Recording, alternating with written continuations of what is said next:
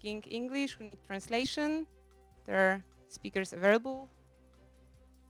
Dobrze, zakładam w takim razie, że wszyscy e, mają spełnione tego typu potrzeby. E, Więc e, witam Państwa bardzo serdecznie na tej sesji Kongresu Praw Obywatelskich. Trochę nie wiem, gdzie stać, żeby nie zasłaniać. Ja nazywam się Milena Dęczewska-Stachura i w zespole do spraw równego traktowania w Biurze Rzecznika Praw Obywatelskich odpowiadam za sprawy em, dyskryminacji, przeciwdziałania dyskryminacji ze względu na orientację seksualną i tożsamość płciową. Także jestem też e, jedną ze współautorek e, raportu, e, który dzisiaj tutaj e, ku wielkiej radości prezentujemy. E, Drugą jego autorką jest pani Anna Mazurczak, która będzie moderować dzisiejszy panel, także jeszcze się później Państwu samodzielnie przedstawi i pan Marcin Mrowicki.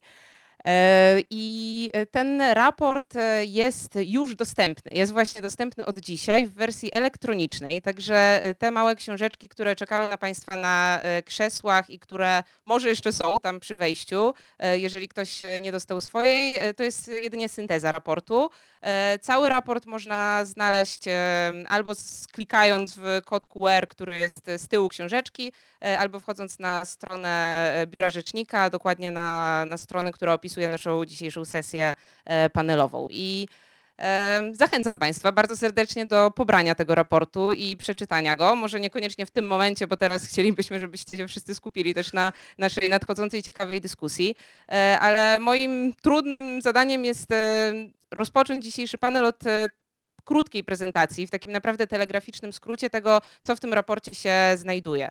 E, Telegraficzny skrót, bo chciałabym, żeby jak najwięcej czasu oczywiście zostało na późniejszą dyskusję na jego temat i nie tylko na jego temat. E, Także e, jeżeli coś zostanie niedopowiedziane, to, to odsyłam do raportu, bo w nim najprawdopodobniej będzie odpowiedź. Także pierwszym pytaniem, które można sobie zadać, to w zasadzie dlaczego Rzecznik Praw Obywatelskich w ogóle taki raport przygotował. I wydaje mi się, przepraszam, tak chodzę w tą i w tamtą, bo nie wiem właśnie jak, nie będę zasłaniać.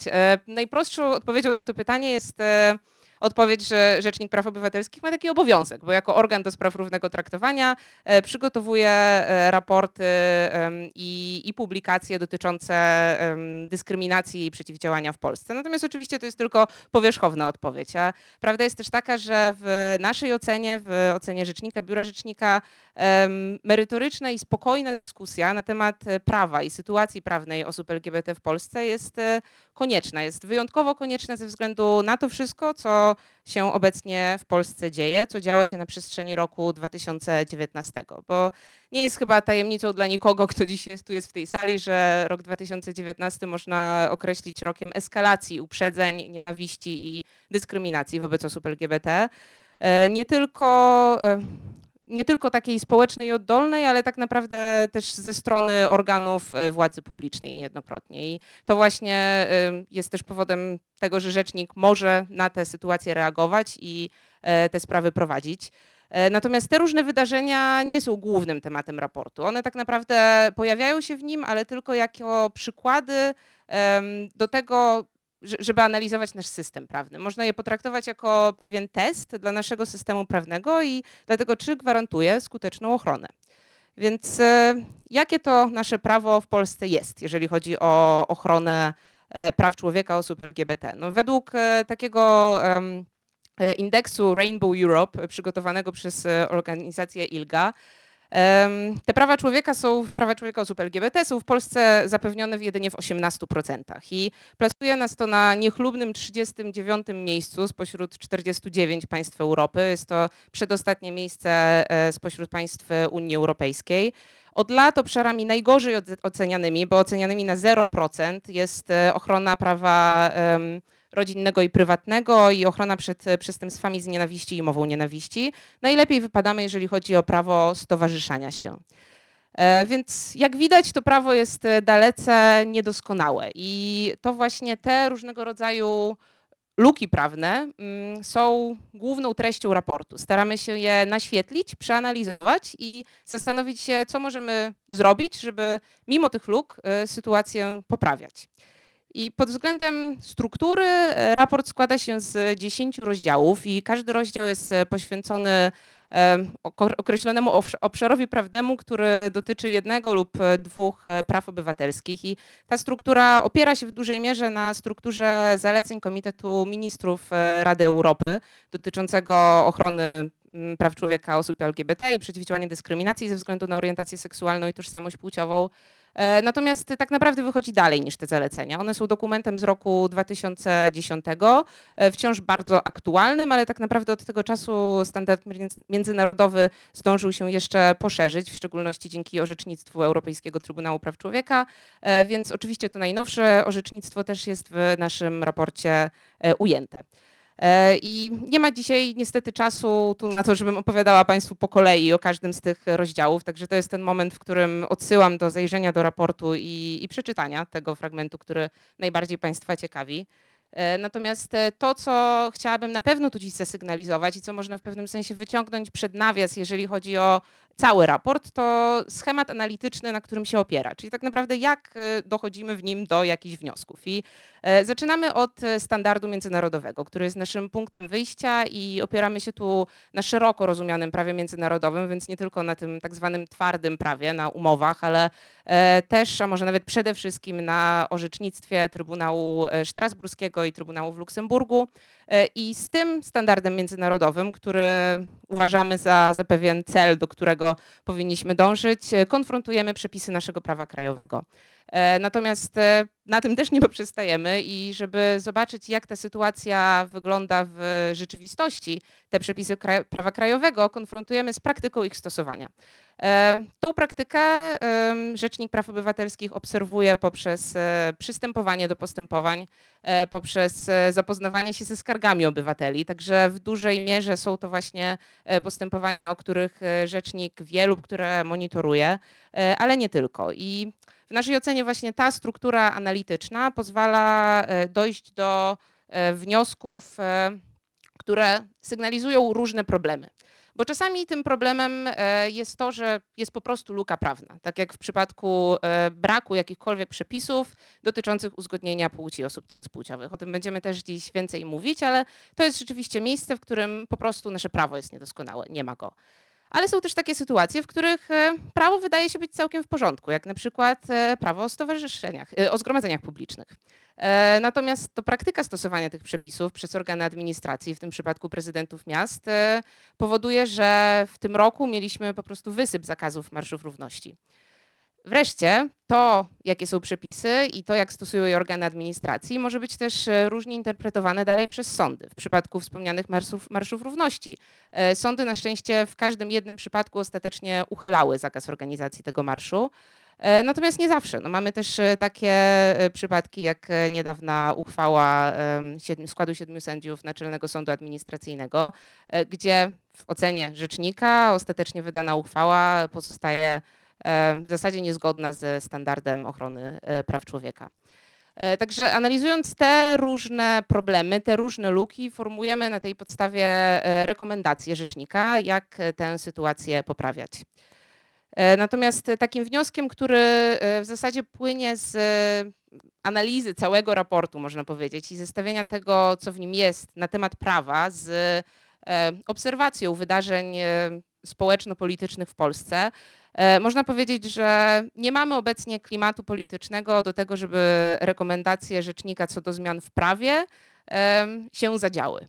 E, one spotykają się zazwyczaj e, niestety z brakiem e, reakcji i w takiej sytuacji to, jaka jest rola orzecznictwa sądowego, istotnie wzrasta. I dlatego też działania rzecznika w obszarze zapewniania ochrony praw człowieka osób LGBT bardzo często polegają właśnie na przystępowaniu do postępowań sądowych albo nawet do ich wszczynania poprzez wniesienie skargi administracyjnej. I tą e, rolę sądownictwa można oczywiście obserwować przede wszystkim w tych obszarach prawnych, w których e, to prawo jest najbardziej niedoskonałe. I tak jak już wspominałam wcześniej, jednym z nich jest właśnie ochrona e, prawa do życia prywatnego i rodzinnego. Dlatego też to właśnie w większości temu prawu poświęcimy dzisiejszą dyskusję panelową. E, I chciałabym w związku z tym bardzo serdecznie zaprosić panią e, Anię Mazurczak, która e, będzie moderatorką naszego dzisiejszego spotkania i już przedstawi naszych dzisiejszych gości. A ja Państwu bardzo dziękuję. Zachęcam raz jeszcze do pobrania naszego raportu, przeczytania go i korzystania w Państwa codziennej pracy. Dziękuję.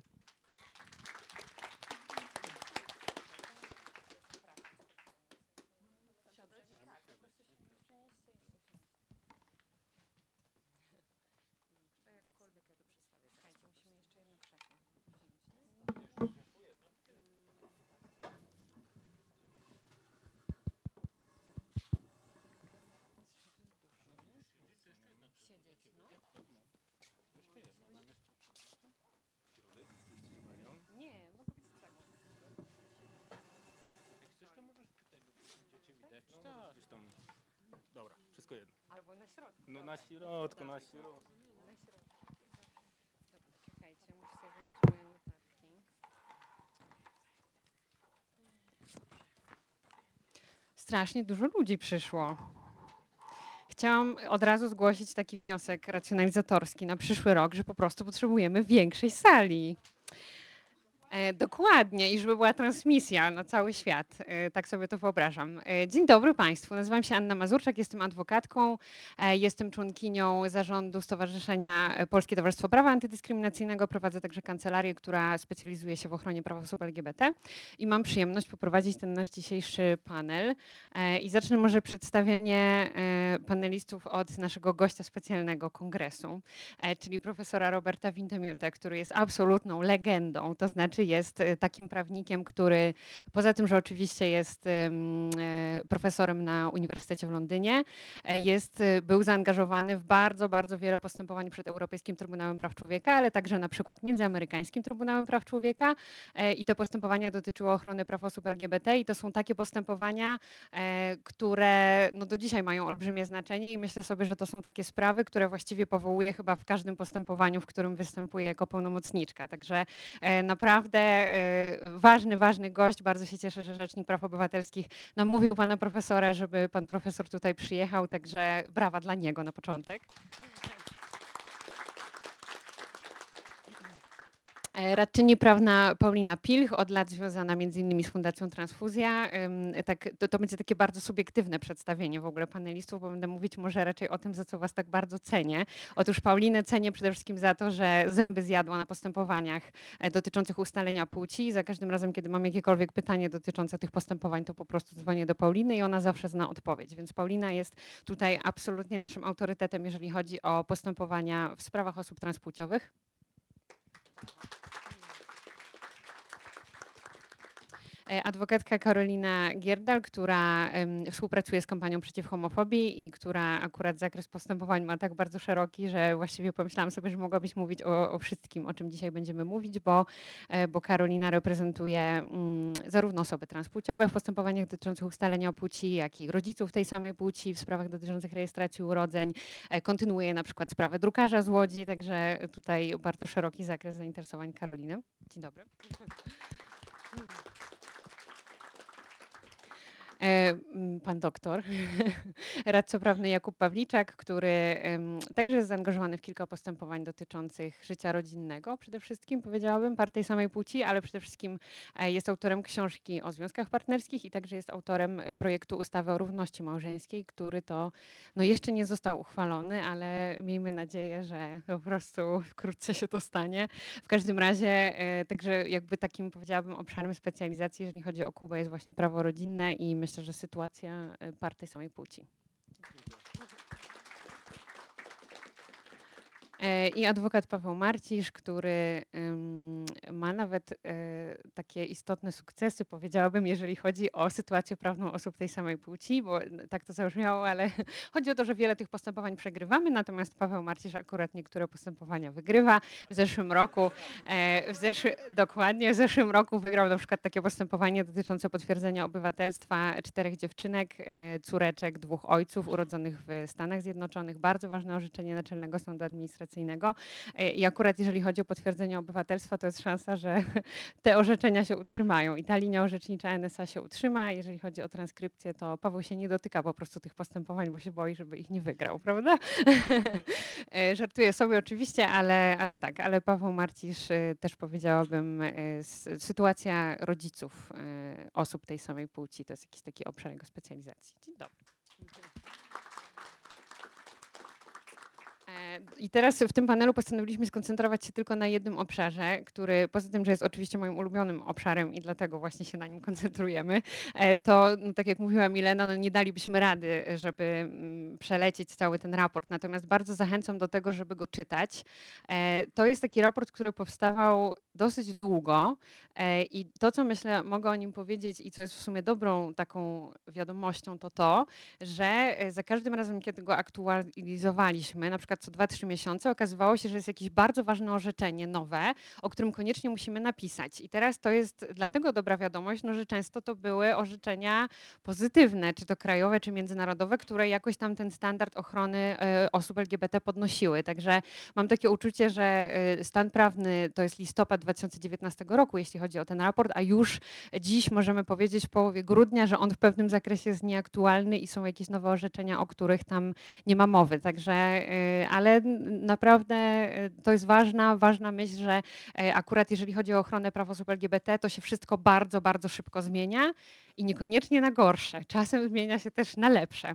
E, Także koncentrujemy się na poszanowaniu życia rodzinnego i prywatnego i zacznijmy od tego, że poprosimy naszych panelistów o takich kilka słów wprowadzenia. To znaczy każdy z panelistów e, dostał pracę domową i e, teraz e, krótko opowie o tym, e, tak żeby Państwa wprowadzić w temat, krótko o tym, w jakim miejscu jesteśmy, jeżeli chodzi o poszczególne e, obszary. Może zaczęlibyśmy od Pauliny, która opowie o tym, gdzie jesteśmy, jeżeli chodzi o postępowania dotyczące ustalenia płci.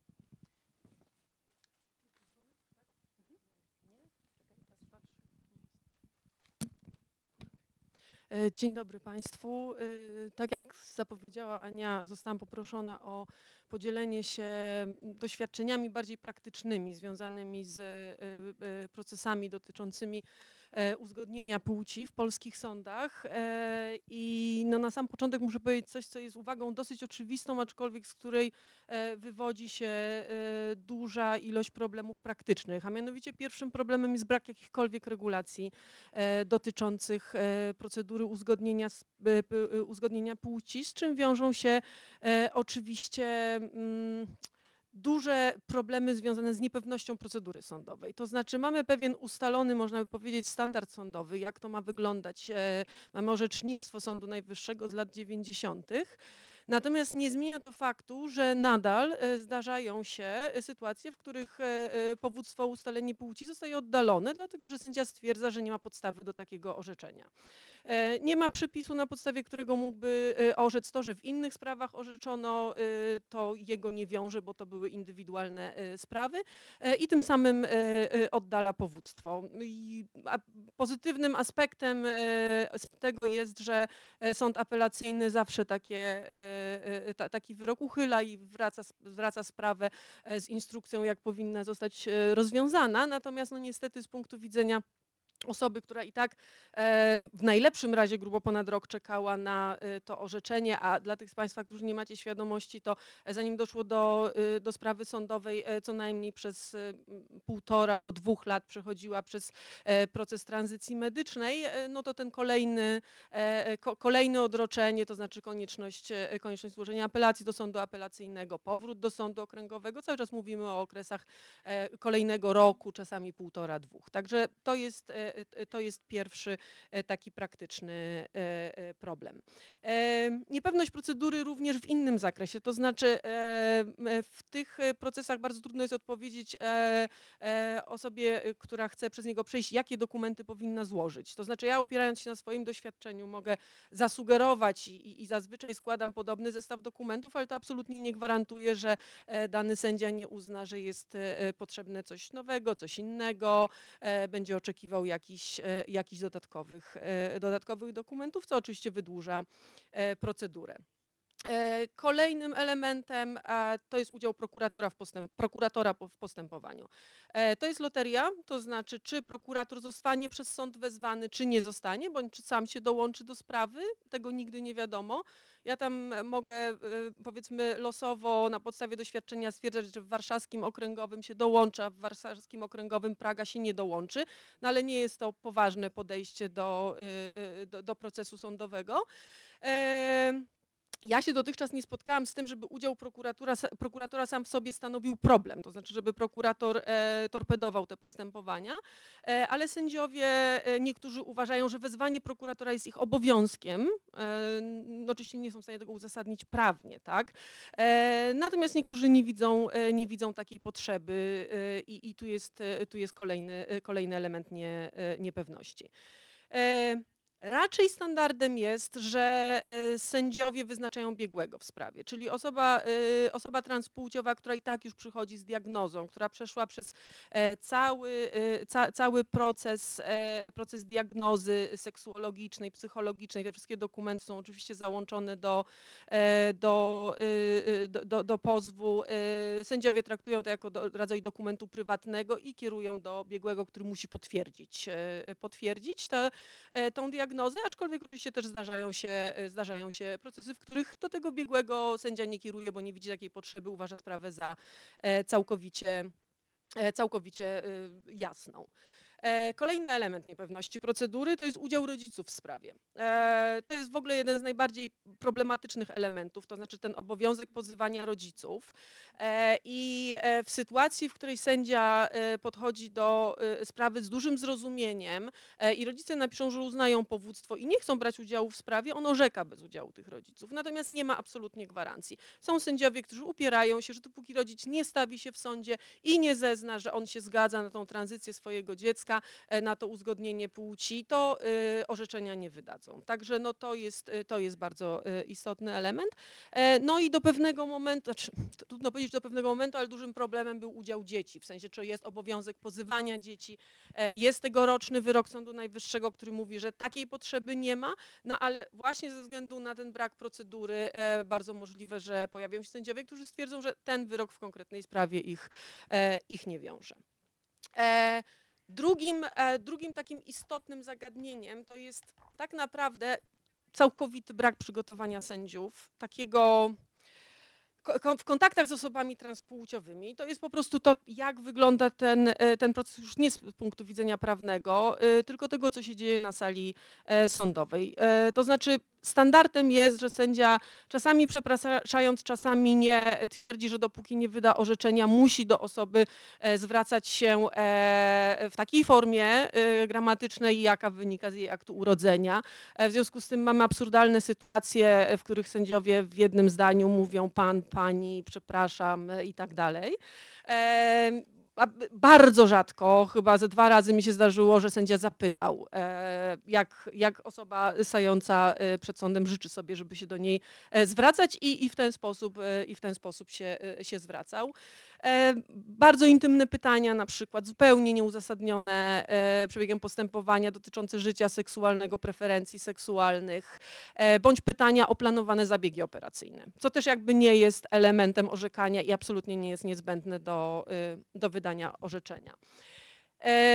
Odrębnym problemem związanym z e, tranzycją i z uzgodnieniem e, jest, e, są, jest sytuacja osób, polskich obywateli przechodzących tranzycję za granicą, którzy tam uzyskują bądź orzeczenie sądu, bądź decyzję administracyjną, dotyczy głównie krajów anglosaskich, ale też na przykład Holandii, o, y, e, o uznaniu e, płci, natomiast nie posiadając obywatelstwa tamtego kraju muszą e, uzyskać zmianę dokumentów e, w Polsce. I tutaj jest, e, powiedziałabym, jeszcze większa e, swoboda e, uznania urzędników niż mamy to, e, mamy z czym mamy do czynienia w przypadku sądów, bo w sądach wyjątkowo zdarzają się e, oddalenia powództwa, e, natomiast e, tutaj odmowy e, dokonania zmiany, e, e, dokonania wpisu w akcie urodzenia urodzenia, czy potem zmiany imienia e, w oparciu o zagraniczny, y, zagraniczny dokument są niestety bardzo częste.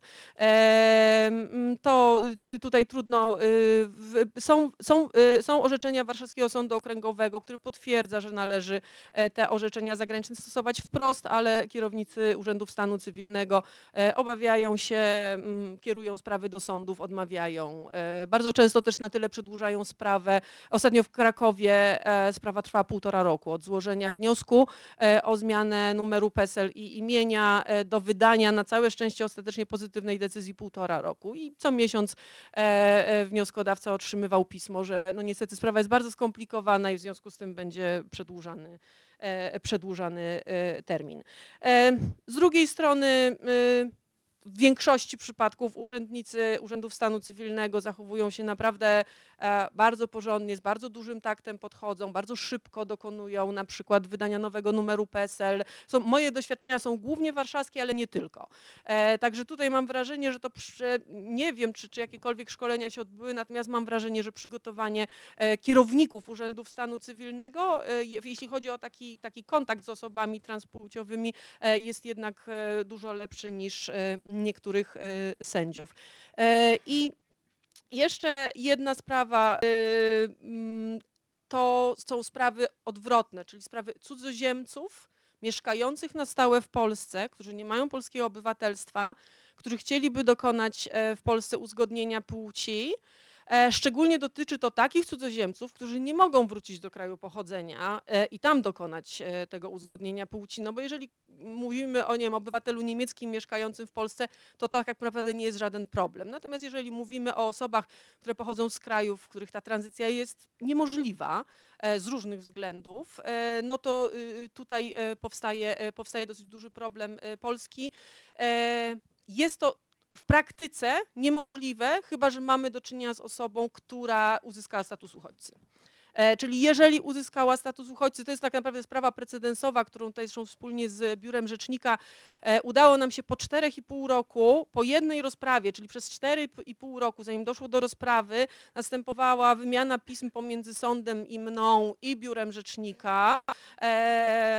E, W większości absurdalnych. Ministerstwem, z tego co pamiętam. Słucham? Ministerstwem, Ministerstwem Sprawiedliwości, jak również. Ministerstwem e, Sprawiedliwości kraju, z którego pochodziła ta osoba, która uzyskała w Polsce status uchodźcy ze względu na prześladowania w swoim kraju. Też e, e, sędzia pisała bezpośrednio tego ministerstwa. Zakończ, cała sprawa zakończyła się sukcesem, to znaczy zostało wydane już w tym momencie prawomocne orzeczenie, e, natomiast e, sąd tak naprawdę przez te 4,5 roku próbował nam udowodnić, że nie ma jurysdykcji i nie będzie orzekał w tej sprawie. E, tu się udało, ale podejrzewam, że tylko i wyłącznie jednak ze względu na ten status uchodźcy e, osoby, o której mówimy. E, w przeciwnym wypadku prawdopodobnie by się nie udało, no bo tu nam niestety wchodzą jednak przepisy e, prawa prywatnego międzynarodowego, które odsyłają takie sprawy do prawa ojczystego, e, do prawa ojczystego e, osoby, która, która stara się o uzgadnienie. E, I na sam koniec, bo pewnie już dawno przekroczyłam czas, tak?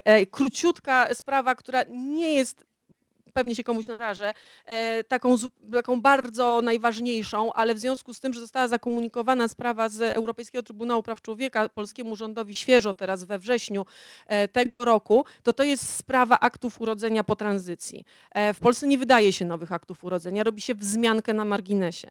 W związku z tym w przypadku wydania pełnego odpisu aktu urodzenia cała historia tranzycji jest widoczna.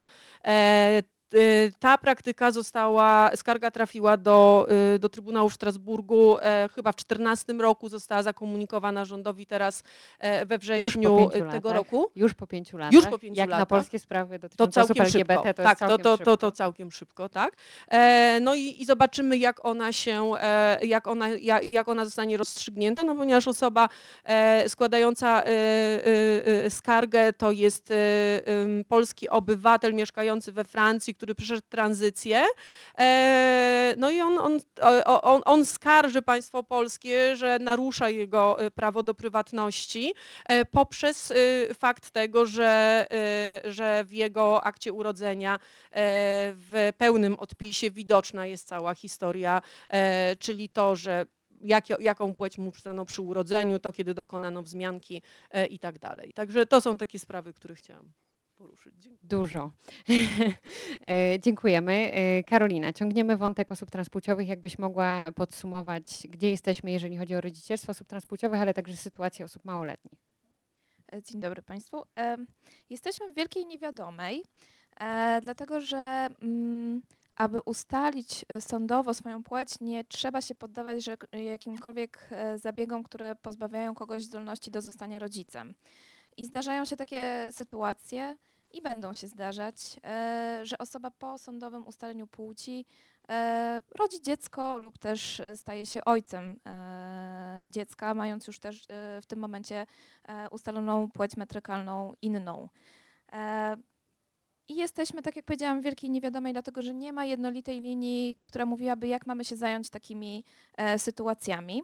E, To, co wiemy i to, co się zdarzyło w praktyce, to jest takie bardzo swoiście rozumiane podejście do mm, prawdy biologicznej bądź też prawdy genetycznej, e, czyli takiego nacisku na to, aby na przykład, jeśli mamy do czynienia z transpłciowym mężczyzną, wpisać go w akcie urodzenia dziecka jako matkę dziecka, ponieważ e, po prostu ten transpłciowy mężczyzna urodził to dziecko. I z tego powodu nagle dowiadujemy się, że ma on funkcjonować, mimo że funkcjonuje w obszarze społecznym i w, e, w odbiorze otoczenia jako mężczyzna, nagle jest uwidaczniany jako e, matka. To nie jest niestety e, w tym momencie rozwiązane. A jeśli chodzi o młodzież, mm, to chciałabym tutaj powiedzieć głównie myślę że w kontekście szkoły, e, bo zgłaszają się do nas e, bardzo często do kampanii przeciw homofobii transpłciowi uczniowie, którzy mają problemy z najróżniejszymi e, kwestiami związanymi z ich funkcjonowaniem po prostu w środowisku szkolnym. I to są takie rzeczy od naprawdę najbardziej banalnych e, i budzących zdziwienie, czyli e, prawo do domagania się od szkoły, nauczycieli, u, e, innych uczniów tego, aby zwracać się do ucznia transpłciowego bądź uczennicy zgodnie z jej jego preferowanym imieniem. E, Okazuje się nagle, że jest to przerażający problem, aby do e, ucznia z, codziennych sytuacjach zwracać się tak, jak on, ona chciałaby e, to usłyszeć. Dowiadujemy się wtedy, że jest to niezgodne z prawem. Tutaj dowiadujemy się, że to może być na przykład niezgodne z RODO. E, Różne argumenty się e, tutaj pojawiają. Mm, Więc to jest w ogóle już na takim poziomie w ogóle funkcjonowania na co dzień. Potem kolejny problem pojawia się na etapie dziennika. E, dziennika i legitymacji szkolnych. Więc legitymacji szkolnych absolutnie nie, nie możemy, nie możemy wydać, bo będziemy poświadczać nieprawdę. Kiedy wskażemy jakieś imię, tak, które jest zgodne z odczuwaną płcią danego ucznia lub uczennicy. E, Natomiast jeśli chodzi o dziennik lekcyjny, teoretycznie tutaj nie byłoby problemu, ale trzeba patrzeć też trochę systemowo. Te przepisy, które dotyczą tych kwestii są dość nieuregulowane, dość dziwne. Wiemy tylko jedno, że zmiana imienia ucznia może się nastąpić wyłącznie na podstawie decyzji administracyjnej bądź e, wyroku sądu. I szkoły się tego bardzo trzymają. Wiemy jednak z praktyki, że niektóre szkoły decydują się na to, aby chociażby w dzienniku ucznia e, oznaczyć tak, jak on lub ona e, by tego chciał czy chciała. E, nie wiemy, jak będzie w przyszłym roku, dlatego że znowu się zmieniło rozporządzenie, które to reguluje. E, I te dzieciaki, które zdążyły to zrobić w tym roku, no mają szczęście. Zobaczymy, jak będą sobie radzić z tym dzieciaki w przyszłym roku. Ale jeśli chodzi o to funkcjonowanie, to nie jest tylko kwestia tego imienia, to są takie rzeczy jak na przykład, kiedy zbliżają się e, studniówki. Dostajemy masę zgłoszeń pod tytułem nie mogę zatańczyć w garniturze albo nie mogę zatańczyć poloneza w sukience. Nagle się okazuje, że jest to niezwykle istotne, aby dziecko zatańczyło tego poloneza zgodnie z tym, co ma w tym akcie urodzenia. E, Mieliśmy nawet taki przypadek po prostu fantastycznego nastolatka, którego chcę tutaj wymienić. Jest to Oliwier, który jest po prostu fantastyczną osobą i ja bym chciała być tak bardzo mądra, jak jest Oliwier, e, jak będę miała, e, jak miałam te 14 lat, który walczy o swoje prawa i w fantastyczny sposób udało nam się przekonać szkołę, też przy wsparciu rzecznika zresztą, do tego, aby, aby Oliwier mógł jednak zatańczyć z koleżanką w parze w tym roku. e, ale wymagało to długomiesięcznych interwen- długich e, interwencji, które trwały chyba za dwa miesiące, interwencji Rzecznika Praw Obywatelskich i dopiero wtedy okazało się, że Oliwier może zatańczyć z koleżanką w parze. Więc jesteśmy na takim poziomie, proszę Państwa. I teraz, kiedy, może, kiedy możemy to, y, kiedy możemy uzyskać tą, tą, to, tą możliwość funkcjonowania w szkole, jeśli szkoła nie chce? Bo to wszystko zależy od tego, czy szkoła chce, czy nie chce, bo jak szkoła chce i jakoś jest empatyczna, to pomoże, ale jeżeli szkoła nie chce, to w tym momencie mówią, że potrzebujemy decyzji administracyjnej, potrzebujemy decyzji sądu. E, Decyzję sądu trudno jest uzyskać, jeżeli ma się, e, jest się nie, osobą nieletnią, ponieważ w takim postępowaniu muszą dziecko reprezentować e, kuratorzy, e, nieko, co niekoniecznie jest takie łatwe do uzyskania. A jeśli chodzi o zmianę imienia, ponieważ Też może, zaznaczmy może od razu, że w raporcie jest mowa o jednym orzeczeniu, które Tak. już zapadło, które, w którym udało się ustalić płeć niepełnoletniej osoby. tak, czyli okazało się, że kryterium wieku nie jest istotne. Nie ogranicza nas wiek, możemy ustalić również ten, e, to e, w stosunku do osoby nieletniej, ale musimy mieć wszystkie sprzyjające okoliczności, musimy mieć współpracujących rodziców, musimy mieć fajnego kuratora, wszystko musi się zadziać na naszą korzyść. Sąd. I współpracujący sąd, który nie będzie zszokowany tym, że chcemy tutaj coś robić e, nieszczęsnym dzieciom. Jeżeli chodzi zaś o zmianę imienia, no to tutaj jest znowu problem, dlatego że to jest decyzja urzędnika, który musi dostrzec tutaj ważne powody. E, I niestety mamy taką linię orzeczniczą, która mówi o tym, że mm, nie możemy zmienić imienia na inną płeć. Czyli jeżeli ktoś ma oznaczenie męskie, to nie możemy mu dać e, imienia, e, które przynależy tradycyjnie do płci żeńskiej. Pojawiają się jakieś poglądy, że może to nastąpić w przypadku imion neutralnych płciowo. Nie znam takich imion za bardzo w języku polskim. Natomiast jeszcze raz? Maria. Dobrze, więc Maria, być może Kuba, nie wiem. W praktyce Alex najczęściej. Tak, i w praktyce Alex, tak. E, I dlatego się po prostu pojawiają imiona takie anglicyzmy, e, przeniesione takie kalki. Tak więc, tak jak powiedziałam, to wszystko jest w sferze niepewności i tego, czy trafiliśmy na fajną szkołę, czy trafiliśmy na fajnych ludzi, czy też mieliśmy pecha i niestety trafiliśmy na kogoś, kto jest po prostu obojętny i trzyma się mm, przepisów ściśle rozumianych przez siebie w bardzo specyficzny sposób. E, Jeszcze dodałabym a propos tej zmiany imienia, jest też o tym mowa w raporcie, że bardzo dużo zależy od tego, do jakiego Urzędu Stanu Cywilnego złoży się wniosek, bardzo dużo zależy od tego, co się w nim napisze. Bo jeżeli nawet złoży się wniosek e, do tego samego Urzędu Stanu Cywilnego, który wcześniej odmówił zmiany imienia, ale w tym nowym wniosku w ogóle się nie wspomni o transpłciowości, to wtedy okej, jest szansa na zmianę imienia, tak? Ale jakby ogólnie jest bardzo dużo po prostu kryteriów, które trzeba spełnić, żeby wniosek został uwzględniony. To nie jest tak, że one nie są uwzględniane, są uwzględniane, tylko trzeba, e, trzeba o tych kryteriach wiedzieć i trzeba się najpierw dobrze przygotować, zanim e, skieruje się swoje kroki do Urzędu Stanu Cywilnego, dobrze się zastanowić, do którego Urzędu Stanu Cywilnego skierować swoje kroki i tak dalej. Także e, rzeczywiście to jest e, trudne. Żeby, żeby, żeby się tego dowiedzieć. Dobrze, idziemy dalej. Kuba, jakbyś nam powiedział, gdzie jesteśmy, jeżeli chodzi o sytuację związków partnerskich, związków małżeńskich? No Ja dziękuję przede wszystkim za zaproszenie, bo tak jak Ania powiedziała, no my niestety często nie wygrywamy, więc jak ktoś tutaj nas w jakiś sposób docenia, no to mamy trochę więcej siły do tej nierównej walki.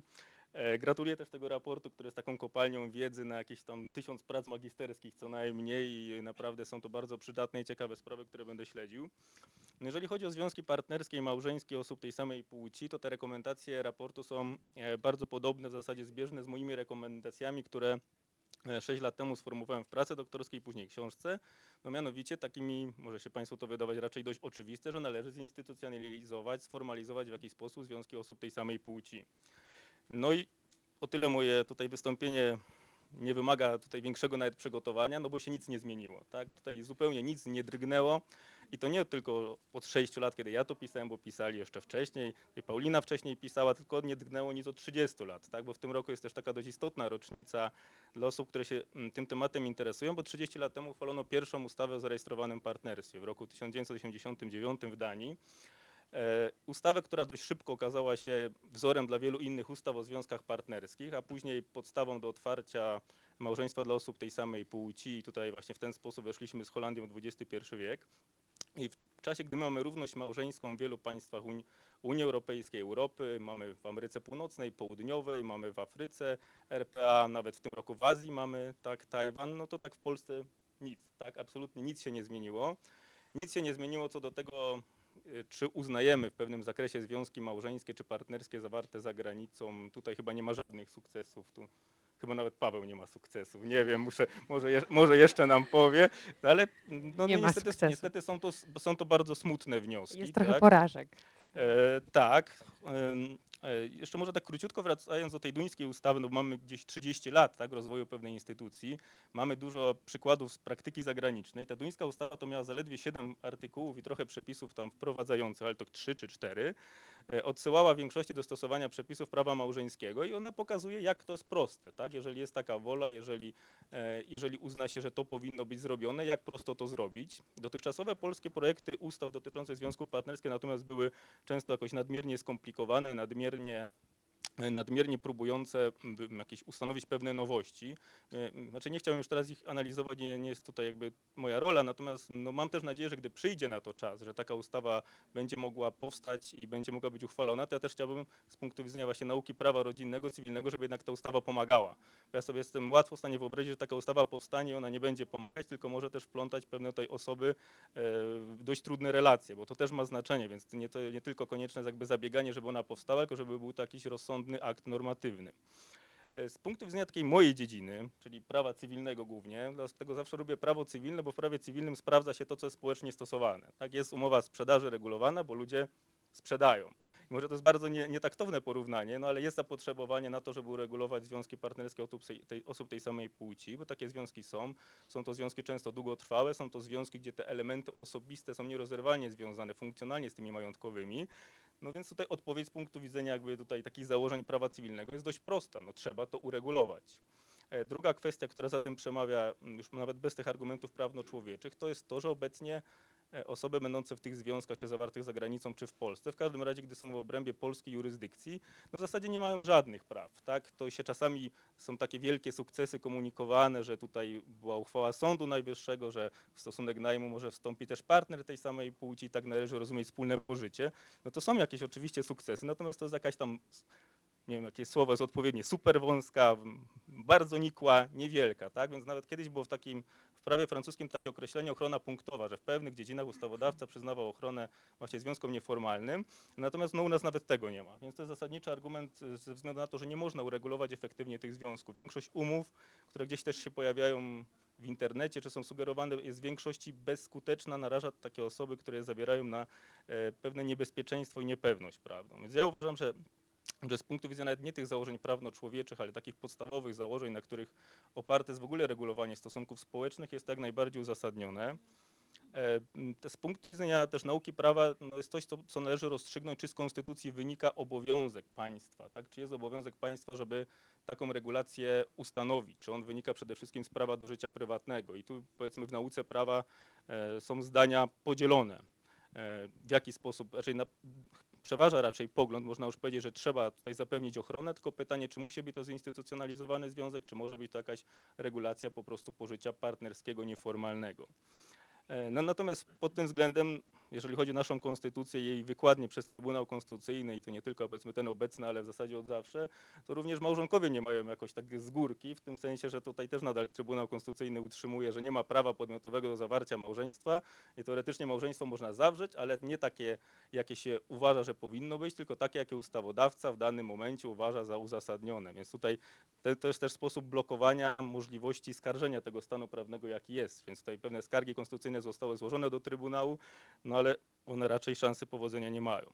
To tak króciutko, jeżeli chodzi o moją dziedzinę, a tylko tak, taki kamyczek tutaj do innej dziedziny, czyli do tej kwestii dotyczącej e, rodzicielstwa par osób tej samej płci i znowu z punktu widzenia jakby mojego prawa rodzinnego, no to problem jest poważny w tym sensie, że od 10 lat regularnie od takiej dużej nowelizacji kodeksu rodzinnego ustawodawca bardzo mocno idzie w kierunku rodzicielstwa biologicznego, genetycznego, że ochrony tego rodzicielstwa, możliwości ustalania tego rodzicielstwa i nawet dwie takie zmiany w prawie w tym roku też w, ten, w tym kierunku idą. Więc dlatego ta sprawa, o której Karolina mówiła, że w przypadku, e, w przypadku mężczyzny, który urodził dziecko e, po ustaleniu płci, on ostatecznie został, jakby jego dane zostały wpisane w rubryce matka, no bo rzeczywiście z punktu widzenia prawa jakby rodzinnego dziecko pochodziło z żeńskiej komórki rozrodczej. I to jest bardzo mocno przestrzegane. To jest system, który się robi coraz bardziej szczelny. Nawet takie fikcje, które występowały, taką zasadniczą fikcją jest na przykład domniemanie pochodzenia dziecka z małżeństwa. Czyli się ustala, że, że ojcem jest mąż matki z tego powodu, że jest mężem matki, a nie zasadniczo z tego powodu, że, mm, że dziecko od niego biologicznie pochodzi. Nawet w tym zakresie w, tym roku się Tak, i nawet, o przepraszam bardzo, nawet w tym zakresie e, ustawodawca coraz bardziej idzie też w kierunku prawdy biologicznej. Jedyny wyjątek też ustawa o leczeniu płodności, która też jest tak uszczelniona co do zasady, że, że oczywiście można z tego skorzystać, ale tylko wtedy, gdy zostanie ustalone pochodzenie dziecka od obojga rodziców, zawsze różnej płci i tylko jeżeli chodzi o związki partnerskie, to związki partnerskie osób różnej płci. Więc tutaj w tej, w tej sytuacji, gdy mamy organy administracyjne i sądy administracyjne, które mówią, że w świetle prawa polskiego e, rodzicami mogą być tylko matka i ojciec, no to niestety z punktu widzenia takiej ściśle rozumianej tej dziedziny nauki, to tak jest, tak?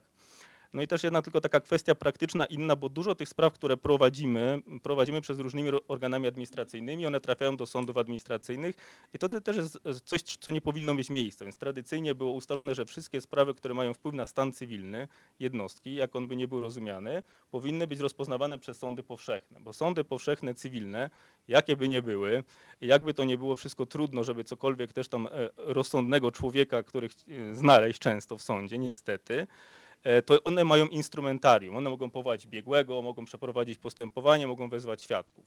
E, W przypadku organów administracyjnych dochodzimy często do takiej sytuacji, jak w ostatnim piśmie w sprawie, gdzie tutaj też wspólnie za nią prowadzimy, wojewoda mazowiecki na, e, na nasz zarzut, że nie uwzględnił zasady dobra dziecka, jakby bezwzględnie zasady naczelnej dla systemu z konwencji praw dziecka, czyli najczęściej chyba ratyfikowanej konwencji na świecie, zupełnie podstawowa rzecz i mająca mocne umocowanie w naszej konstytucji.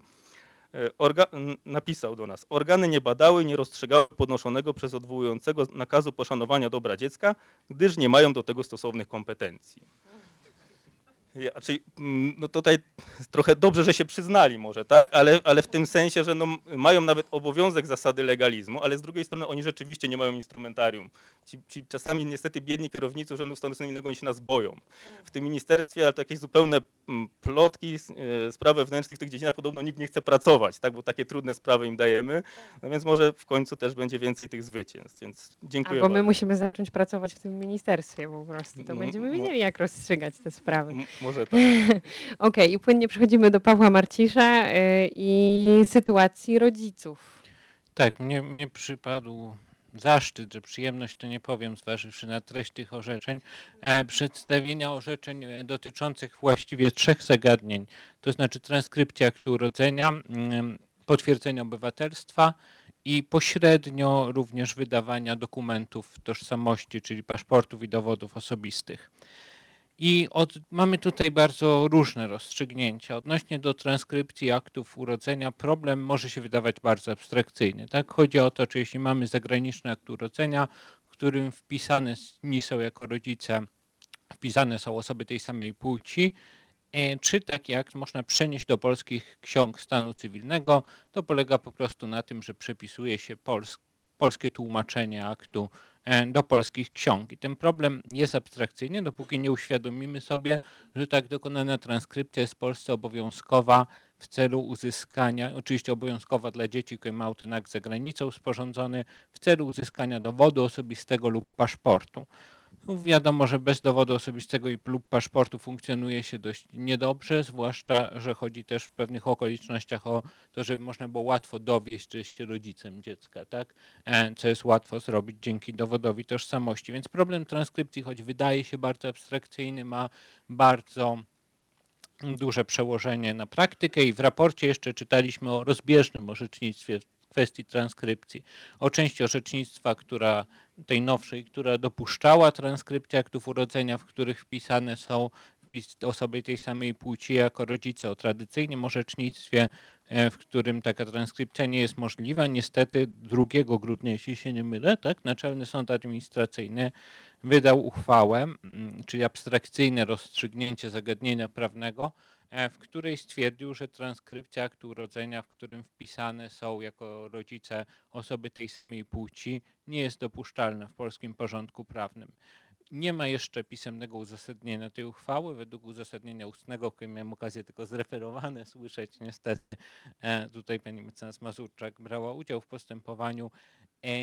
Według uzasadnienia ustnego oczywiście artykuł 18 jest przesądzający, to znaczy artykuł 18 przesądza właściwie we wszystkich sprawach tego typu, gdzie chodzi o e, nadanie, czy raczej odmowę nadania jakiejkolwiek ochrony e, związkom osób tej samej płci i tutaj przesądza rzekomo o tym, e, że nie wolno w polskim porządku prawnym wpisać do ksiąg stanu cywilnego rodziców tej samej płci.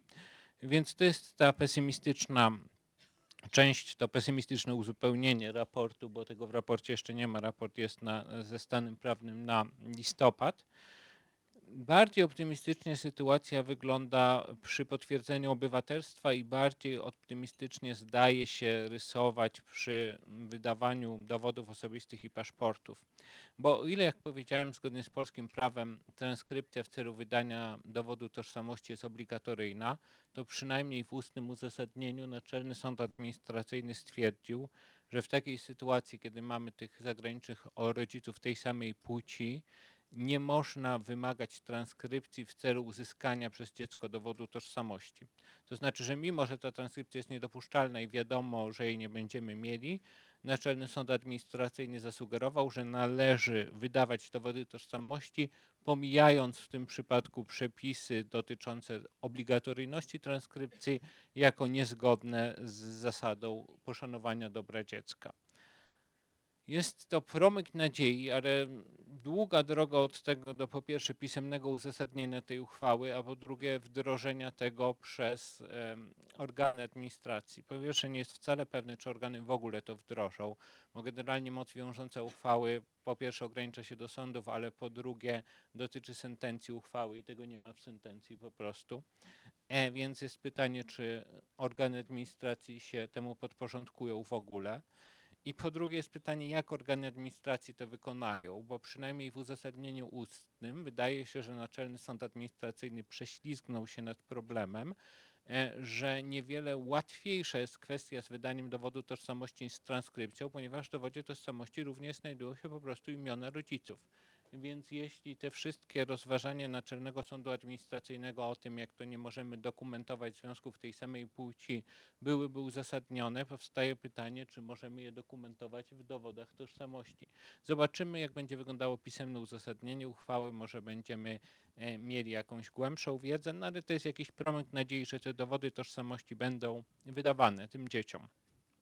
Ostatnia kwestia, która chyba została tutaj dzięki rzecznikowi między innymi rozstrzygnięta pozytywnie, to jest potwierdzenie obywatelstwa dzieci e, urodzonych za granicą ze związków tej samej płci, w tym dzieci urodzonych z surogacji. Część w ogóle problemów, o których mówimy, dotyczy nie tylko surogacji dokonywanej przez rodziców tej samej płci, ale również przez rodziców różnej płci albo jednego rodzica.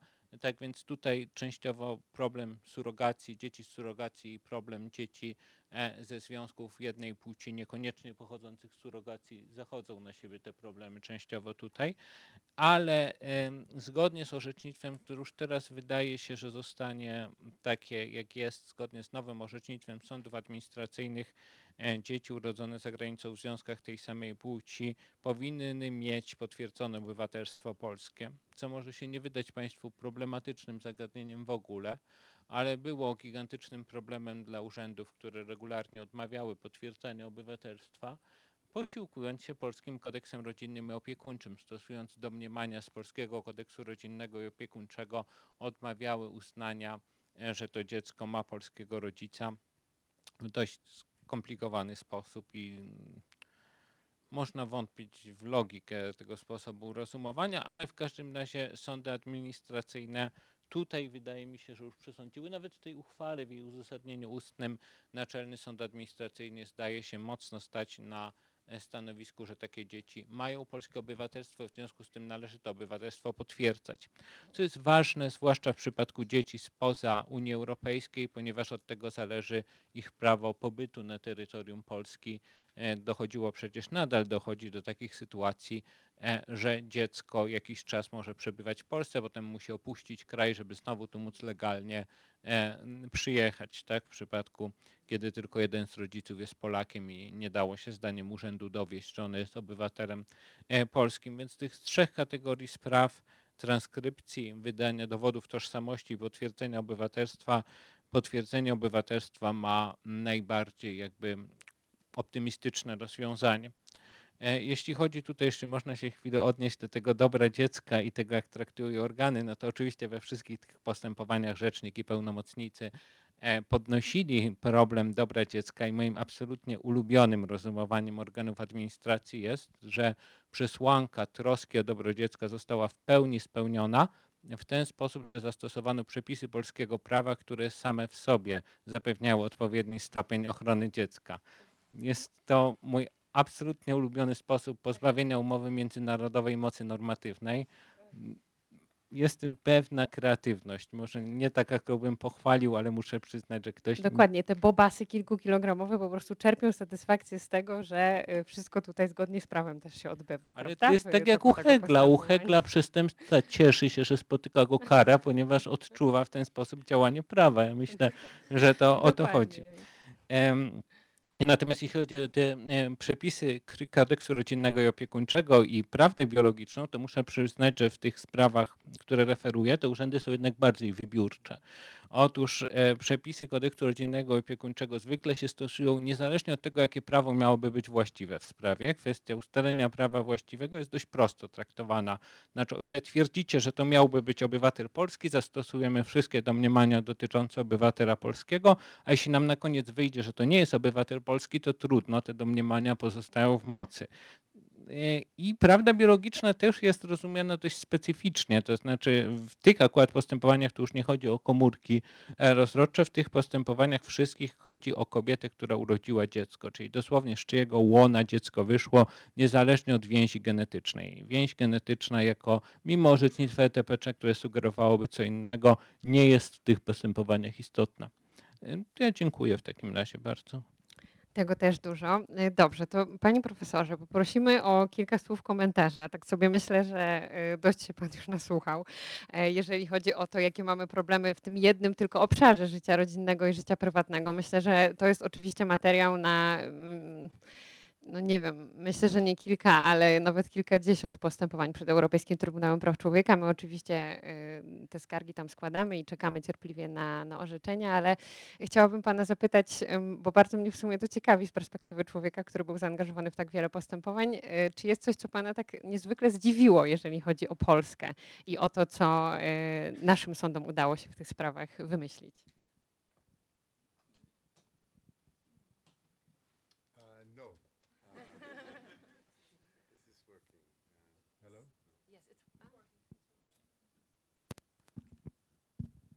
Hello? Yeah, okay, this is better. Um, thank you very much. It's a great uh, um, honor and pleasure to be here in Warsaw today at this exciting Congress on Human Rights in this beautiful museum. And um, the timing is, is uh, incredibly lucky for me because of the election result in the United Kingdom yesterday. Uh, if I were in London, it would be a very sad day, but um, I've been very cheered up uh, being here. Um, so um, the situation in Poland actually would be similar to uh, 20 years ago in the United Kingdom. If we go back to 1999, the UK government was not ch- uh, um, changing almost no laws or policies unless it was required by the European Court of Human Rights. There was a lot of strategic litigation in the 1990s. And, uh, for example, we didn't have any anti discrimination law referring to sexual orientation. That only came with the European Union directive in 2000. Um, the uh, age of consent in the criminal law was only changed because of a decision of the uh, European Commission of Human Rights. The um, policy of, of dismissing all lesbian, gay, bisexual members of the armed forces was only changed because of a decision of the European Court of Human Rights. So it was quite similar in that um, uh, it was very hard to uh, achieve any change at the national level. Um, and the other thing I would mention about 20 years ago is that's when I became involved with uh, same, well, no, let's say lesbian gay parenting. I was introduced to Philippe Frette in Paris and started working on his case. Now, so 20 years ago, the battle was to get a right under the European Convention on Human Rights to have one gay or lesbian parent, not two. Okay, so we we have made progress. Um, my other historical reference is uh, to uh, a conference in Barcelona in 2002. Um, Spain had a very conservative government at the time. The Spanish activists uh, thought the situation was hopeless. Nothing was going to change at the national level. They were desperate for help, and they were saying, please, European Court of Human Rights, please, European Union, help us. And my uh, uh, unpleasant task was to tell them, sorry, uh, at the moment, this is, is not, uh, not going to happen. And you'll have to change things on your own at the national level. So the good news is that in the 17 years since 2002, things have changed a lot. And the European Court of Human Rights is now willing to help and even the Court of Justice of the European Union. Um, so, starting with legal recognition of same sex couples, the um, European Court of Human Rights decided in the case of Oliari and others in 2015 that Italy had to um, introduce a specific legal framework for same sex couples. Um, I was involved in that case. I drafted a third-party intervention. Um, now that in that case, the timing is interesting. It was just a few days after the U.S. Supreme Court decision, a few weeks. Well, the actual judgment was adopted four days after the U.S. Supreme Court uh, decision on same-sex marriage. So the European Court of Human Rights was trying to be generous. They tried to go as far as they could. There were only 51% of Council of Europe member states with either marriage or an alternative to marriage for same-sex couples. So in terms of European consensus, the level was quite low. I would say they stuck their necks out, and the judgment sort of reflects this. It's a bit confusing because you have three judges saying their reasoning only applies to Italy, and the majority judgment can be read two ways. Uh, on, on the one hand, it refers to public opinion being in favor of equal rights for same-sex couples in Italy, and to the Constitutional Court calling on the Parliament to legislate. Um, I think if we looked at Poland, those two factors might not be present. so that is the big question. Is the court going to apply the same reasoning in other countries? And I'm very optimistic that they will, because the total of 24 countries, this is where the court was sticking its neck out. It's saying this trend has gone far enough that we can say that now there's a minimum European standard. And what they need then is for the trend to continue, and it has.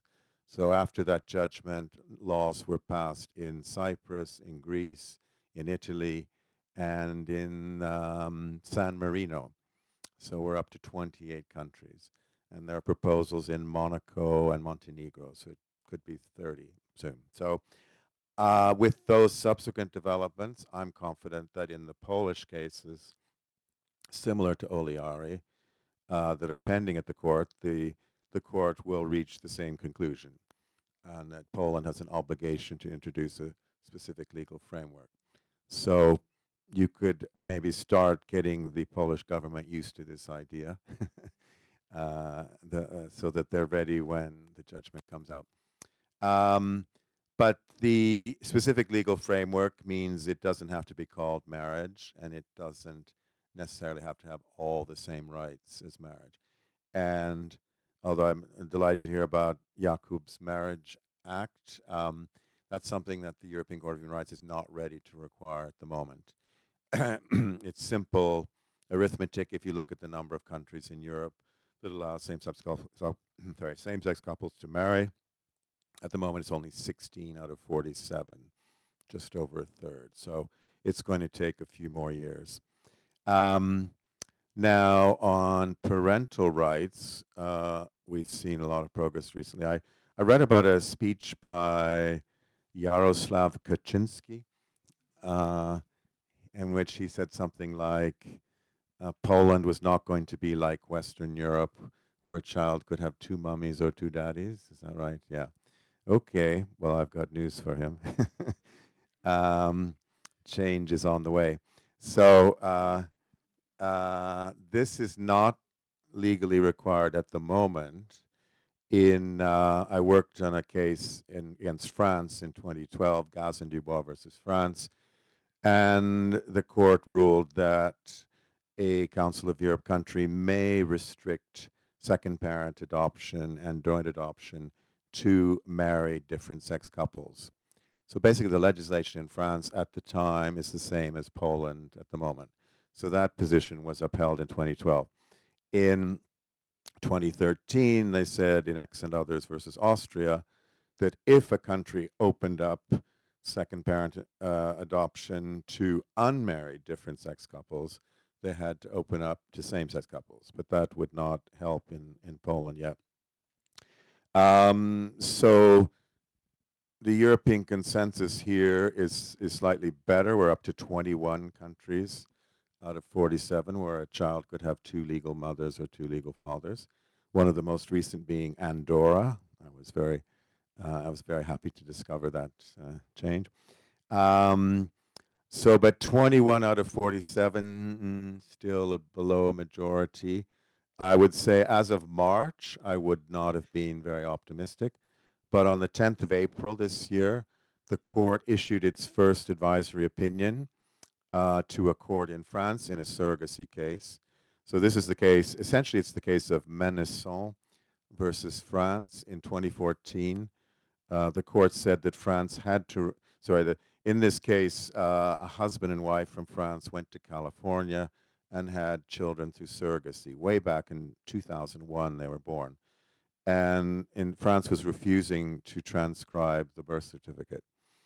And so in 2014, the court said you must recognize the husband as a legal parent because he's the genetic father of the children. So the advisory opinion uh, in April was uh, uh, um, about the question of the wife. Did France have an obligation to recognize the the wife as a, uh, a legal parent as well? She's not a genetic parent because they used an egg donor. Um, and the answer was yes. And the court has really stressed the best interest of the child. And they even they acknowledged that there wasn't a clear European consensus. Only 19 countries would allow uh, a woman in this position to be legally recognized. But essentially, they said, well, given the interest of the child, that's enough. And what they did was give France a choice. They said, uh, you don't necessarily have to recognize the California birth certificate, which shows the husband and wife as the legal parents. This relates to the Polish concern about biological truth. Um, so they, we know that the, the, the wife is not the biological mother, but so you don't have, if that really offends you, you don't have to recognize the birth certificate, but you must create a legal parent-child relationship that could be through a second parent adoption. So in most cases in France, because they don't like these, they don't like surrogacy, they don't like these California birth certificates, they'll probably be uh, doing it through second parent adoption. In fact, there was just a decision in another case, C and E versus France, where they refused to transcribe the details of the non-genetic mother. And the court said that's fine because you can get a second parent adoption. So when I read this advisory opinion uh, in April, it was about the time that the case of AD hyphen K and others versus Poland was communicated by the court. And I, I drafted a third party intervention, which was submitted in uh, July. And I've urged the court to reconsider Gaz and Dubois versus France um, in light of the advisory opinion. all of the reasoning and the advisory opinion transfers over perfectly. The only way to distinguish it would be to say, well, but this child has lesbian parents. And that wouldn't be a very attractive reasoning in 2019. So, also in terms of European consensus, in this case, there are 21 countries that allow uh, two legal mothers, two legal fathers. It's even higher than in the advisory opinion. So, I'm very optimistic about this case, and actually, I'm hoping that because of the potential conflict with a prior decision, Gazan Dubois versus France, the Chamber of Seven Judges will relinquish jurisdiction and uh, in favor of a Grand Chamber of 17 judges. And that uh, within, let me see, I'll be optimistic here. Within two years, we'll get a, well, there'll be a hearing and then a Grand Chamber judgment against Poland, saying Poland must recognize two legal parents. Now, my guess in uh, uh, looking at Polish politics is that the Polish government would have the Polish government would be given the same choice as France. You can recognize the birth British birth certificate with two mothers on it, or you can have a second parent adoption procedure in Poland. I think Poland would prefer to recognize the foreign birth certificate um, because it would benefit far fewer same-sex couples. Um, but it would be a starting point, and uh, it would it would support future cases uh, by a same-sex couple living in Poland who have no means to move and live in another country uh, and and get foreign birth certificates. So uh, it would be a great starting uh, point.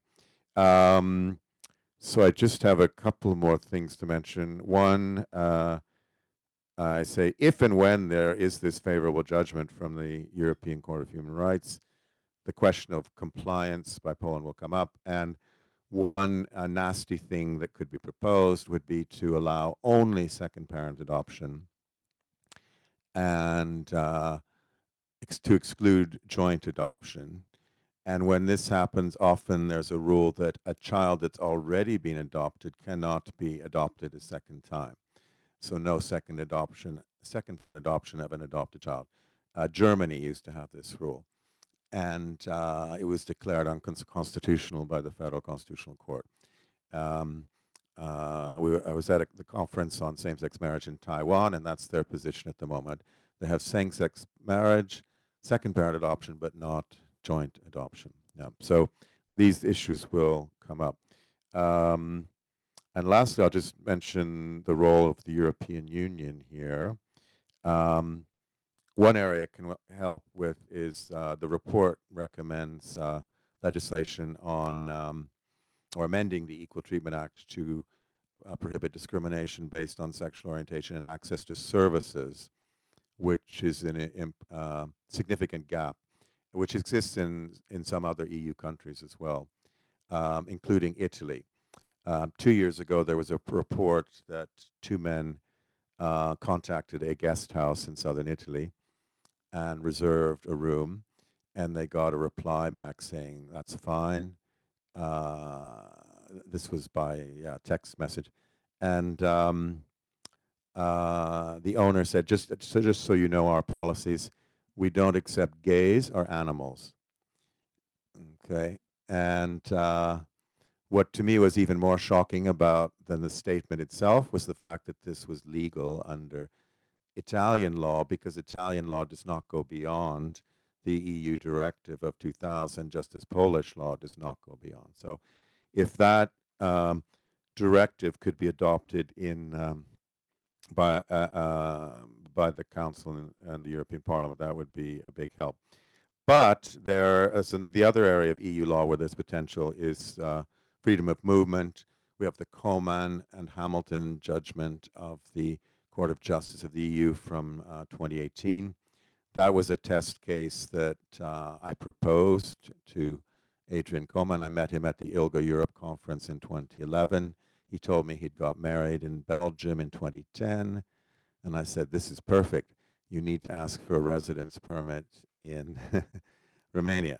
So that was a big breakthrough to get a Belgian same-sex marriage recognized in Romania and also in Poland as a marriage. Um, you maybe get some cases on this.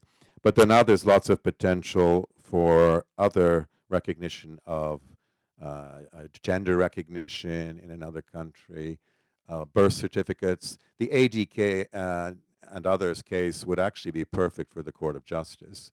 Uh, refusal to recognize a, um, a, a British birth certificate. Well, at least, well, as long as we're in the EU, but uh, i- i- in Poland. So there's potential there, and um, um, I've just been asked to work on a report for a committee of the European Parliament, and uh, we'll probably develop the argument that there should be new legislation on cross-border recognition of marriages, registered partnerships, birth certificates, gender recognition certificates, etc. So uh, the good news is that there's potential for help from the European level. Thank you.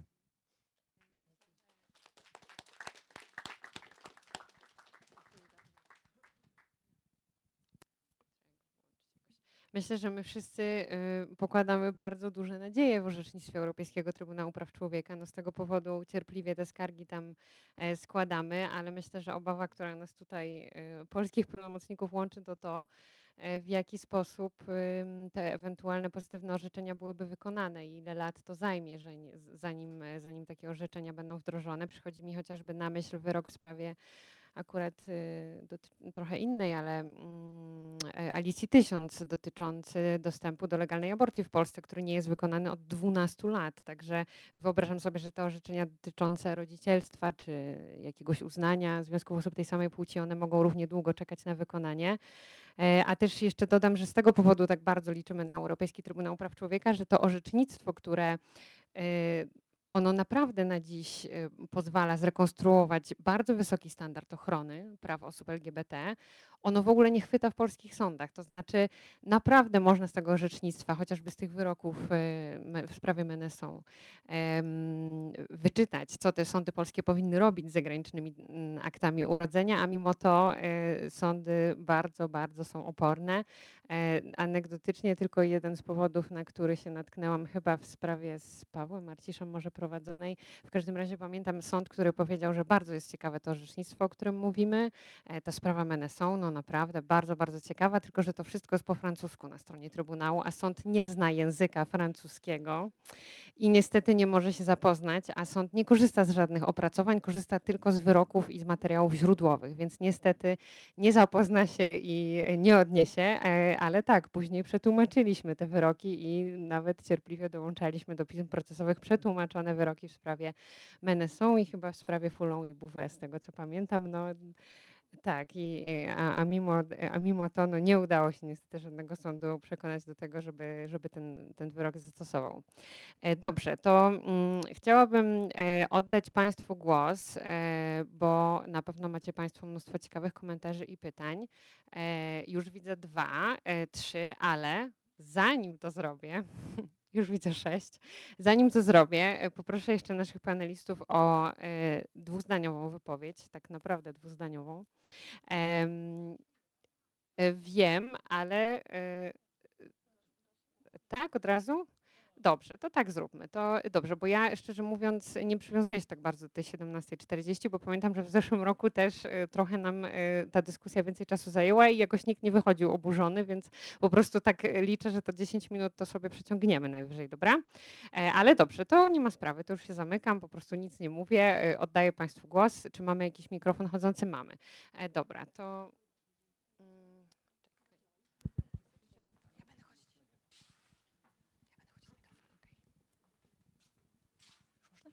Dzień dobry, ja się nazywam Dorota Pudzianowska, jestem prawniczką w Helsińskiej Fundacji e, Praw Człowieka i adiunktem na Wydziale Prawa i Administracji Uniwersytetu Warszawskiego. Obecnie w fundacji jestem od jakiejś chwili na urlopie związanym z urodzeniem e, dziecka, ale tych spraw dotyczących, e, dotyczących osób LGBT fundacji sporo prowadzimy, między innymi właśnie ta sprawa wspominana z doktorem Pawłem Marciszem, sprawa prowadzona w ramach Helsińskiej Fundacji Praw Człowieka, czy sprawa DK e, ADK przeciwko Polsce, sprawa, w której reprezentuję klientki też prowadzona w ramach Helsińskiej Fundacji Praw człowieka. I moja refleksja związana z różnymi sprawami, e, z którymi miałam do czynienia w fundacji, a udało nam się wygrać między innymi takie sprawy, jak sprawa dotycząca nabycia nieruchomości w strefie przygranicznej e, przez, e, przez osobę, która pozostawała w związku e, jednopłciowym, czy sprawy dotyczące niewpuszczenia partnerów osób tej samej płci e, do Polski przez taką interpretację Straży Granicznej, że to nie są członkowie rodziny w świetle prawa e, unijnego, jest taka, że e, nie wiem, to jest taka hipoteza, że do sądów administracyjnych, a jestem też ad- administratywistką na uniwersytecie, trafia argumentacja im bliska. Czyli argumentacja oparta na wykładni prawa, taką jaką się uprawia na uniwersytecie, zaczynamy od wykładni literalnej, celowościowej i poruszamy się w ramach judykatów prawa krajowego. I z mojego doświadczenia wynika też, że tylko akcesoryjnie działa powoływanie się na orzecznictwo strasburskie y, czy unijne. Taka jest logika polskich sądów administracyjnych. Tę to, logikę znam, o niej się mogę wypowiadać. Mnie kompletnie nie zdziwiło, chociaż zaskoczyła mnie ta uchwała NSA os- ostatnia, tak jak większość osób w, te, w to postępowanie, e, które je obserwowały. Myślę też moich studentów, którzy byli na sali, też mieli jakiś wstęp z mojej strony do tej sprawy. E, Zdziwiła mnie ona, ale nie dlatego, e, że Trybunał się, e, że NSA się odcięło od orzeczeń Trybunału w Strasburgu. To mnie absolutnie nie zdziwiło. Oczekiwałam tego, a wręcz uważam, że to nie jest dobra strategia, żeby się na tym orzecznictwie przy litygowaniu spraw opierać. Ale to jest taka hipoteza. Ono, ono może być jako wzmocnienie, uzupełnienie. I to jest smutna prawda o, e, o, o tym trochę też, tak? Jak, w jakiej logice też sądy e, te sprawy rozstrzygają. I jak byłam w tym roku z profesorem Wintemuti, którego tam miałam przyjemność poznać też na konferencji na Tajwanie. Tam był też Helmut Graupner, którego wiele osób tutaj obecnych zna. I ja się go spytałam, jaka jest jego recepta na prowadzenie z takim sukcesem postępowań w Austrii. Tak? To jest niesamowite, co tam się dokonało w przeciągu ostatnich lat. I on jest powiedział, on mi powiedział, powiedział do, na moje pytanie tak, musisz być wiaro, wiarygodny w sądzie. Sąd cię musi chcieć słuchać i musi chcieć słuchać twoich argumentów. I polski sąd administracyjny będzie słuchał argumentów takich, które się wpisują w logikę, w jakiej sądy orzekają. I nie wiem oczywiście, czy to jest recepta na wszystkie sprawy, czy tylko na część spraw, tak, ale mm, może też jakaś kwestia do dyskusji, czy, e, czy macie też takie e, wrażenie.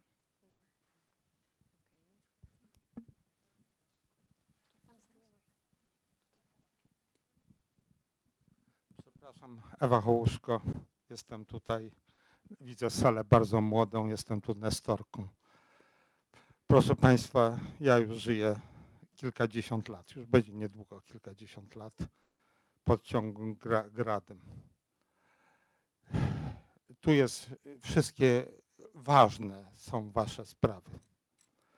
Ale proszę łącznie z przedstawiciela Pana Profesora, przedstawiciela Unii, proszę o dwie sprawy dla Polski, które by rozwiązały większość, większość spraw. Jedna sprawa to jest dla moich kolegów i koleżanek gejów, lesbijek, związki partnerskie.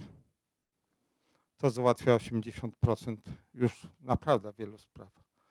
A druga sprawa to te artykuły antydyskryminacyjne. Ja będąc osobą, która dwa lata temu próbowano spalić, podpalić dom, w którym mogłam zginąć.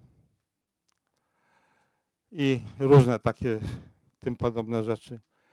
Wiem, jak wszyscy reagują na to, że w naszym prawie jest wszystko o dyskryminacji ze względów wiary, pochodzenia i tak dalej nie ma nic na temat odrębności seksualnej.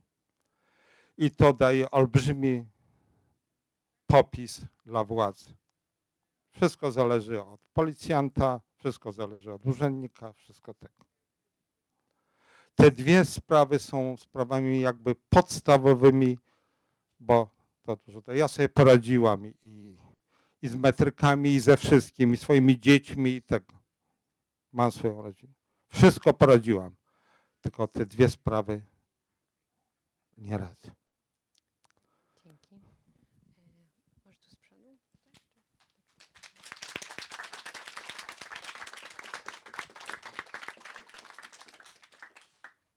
Mateusz Wrotny, Stowarzyszenie Tęczowe Opole. Ja mam krótkie pytanie do pani Pauliny.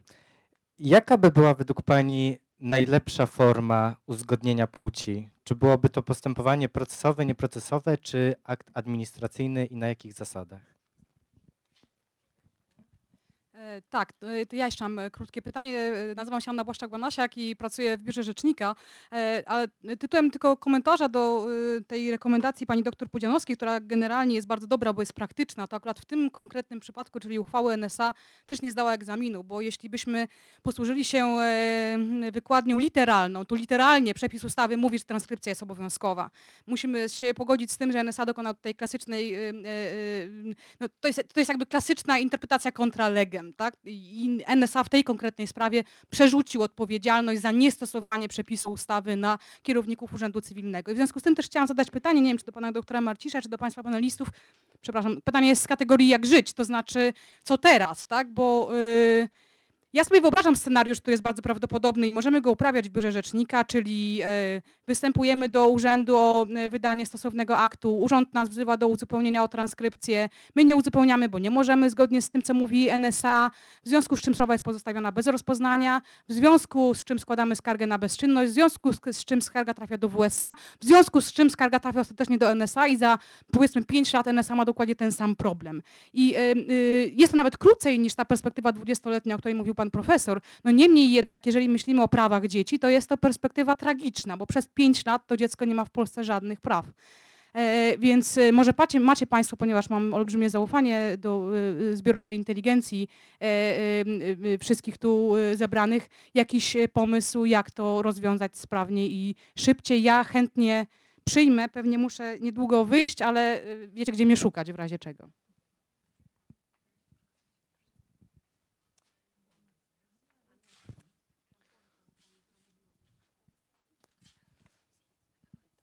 Jeżeli mogę.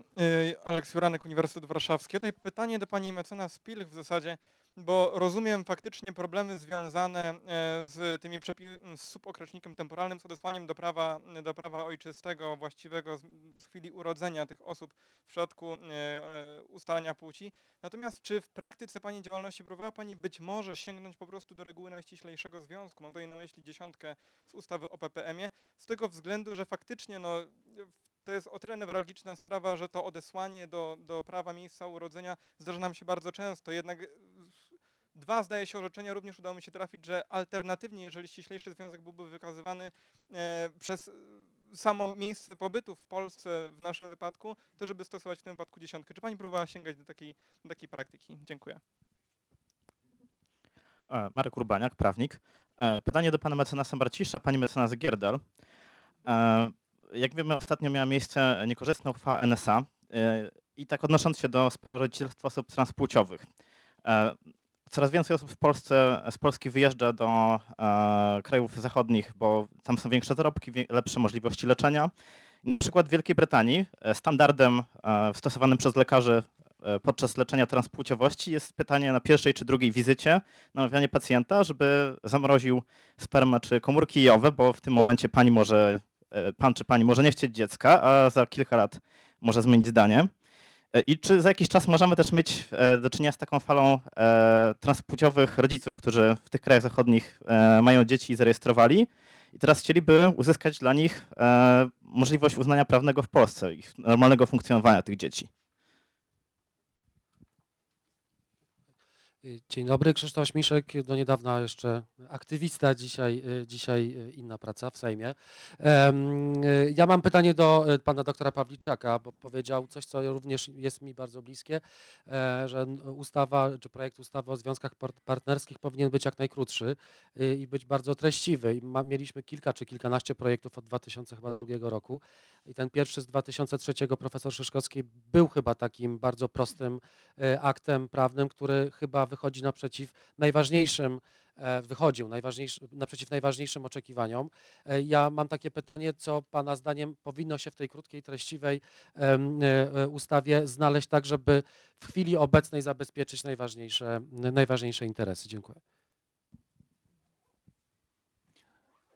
Jakub Urbanik, Wydział Prawa i Administracji Uniwersytet Warszawski. Ja bardzo dziękuję za ten panel i za raport przede wszystkim.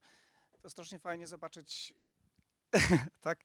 E, To strasznie fajnie zobaczyć te same osoby trzeci raz na, na kongresie, mniej więcej w tym samym pokoju i niestety rozmawiając o tych samych problemach.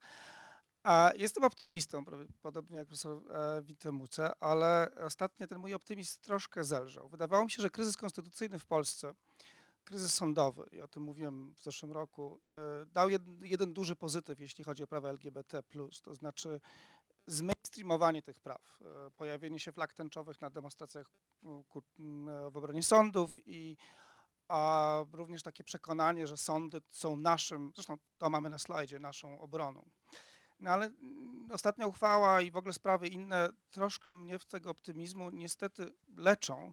I tak się zastanawiam, to strasznie dobrze, że e, e, Trybunał Sprawiedliwości Unii mm, wydał słynne e, orzeczenie w sprawie prejudycjalne, ale żadnej z tych naszych spraw e, sądy nie odważyły się zapytać e, Europy, co mają. E, W sprawie, którą, jednej z spraw, którą przegrał pan mecenas Marcisz szlachetnie, sąd powiedział, że oczywiście nie zada pytania, bo mamy doktrynę Act i nie będzie pytał o rzeczy oczywiste. Tak?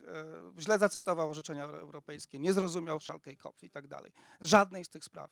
I to jest straszne, tak? bo my idziemy na te demonstracje, idziemy z naszymi tęczowymi flagami. e, Moja siostra krzyczy na e, nasze sądy, nasze sądy, które dają nam parady równości. A sądy w swoich sprawach owszem zapytają, ale w naszych sprawach nie będą pytać, mimo że byłoby to doskonałe alibi dla nich, dla podjęcia odważnych decyzji. I to właściwie nie wiem, czy chcę komentarza, ale to, to odrobinę dziegciu w, w, w tym miłym atmosferze. Przepraszam. Było już trochę dziegciu, naprawdę. E, Tam jeszcze jeden. Dzień dobry, Jacek Jasionek, to Radoc, Stowarzyszenie z Gdańska. Ja mam do pani mecenas Pilch e, pytanie. E, Ponieważ polskie prawo nie reguluje procedury uzgodnienia płci, no to tak jak zre- zresztą e, w raporcie rzecznika jest napisane, została wypracowana e, praktyka sądu w tym przedmiocie. I ta praktyka jest po prostu zwyczajnie dla mnie czystą torturą dla osób, które są zmuszone do tego, żeby pozywać swoich rodziców choćby. W związku z tym pytanie, czy jest, czy kiedykolwiek Państwo rozważaliście, zwracam się nie tylko do Pani, ale też do innych prawników w tym się specjalizujących, żeby wypracować, spróbować wypracować e, takie rozwiązania, które mogłyby sądy przyjąć e, i w inny sposób po prostu zwyczajnie procedować. Dlaczego o to pytam? Dlatego, że ja nie mam za dużo wiary w to, że prawo się zmieni w ciągu najbliższych nawet kilkunastu lat, jeżeli chodzi o kwestie dotyczące uzgodnienia płci e, i myślę, że jest czas po prostu zwyczajnie na to, żeby spróbować popracować nad inną praktyką sądową i doprowadzić do innej uchwały niż ta z roku 90 chyba drugiego, gdzie Sąd Najwyższy wskazał e, tą konieczność pozywania rodziców. Może po prostu zwyczajnie jest inny sposób i, e, można spróbować po prostu wypracować taką i doprowadzić do, takiego, do, do takiej linii orzekania. Dziękuję bardzo. Okej, przepraszam bardzo, ale czas nas goni, więc już wrócę do naszych panelistów, a po prostu jeszcze jakieś dyskusje ewentualnie może przeniesiemy na po zakończeniu tego panelu. Jedno zdanie. Jedno zdanie, ale jedno. Była ta sprawa rozpatrywana za poprzedniego rządu. Bardzo daleko doszliśmy. y, Było rozpatrywane w Ministerstwie Sprawiedliwości, którą rządził pan Gowin wówczas.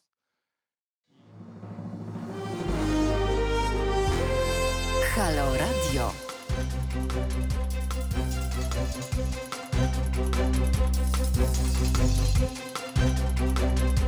E,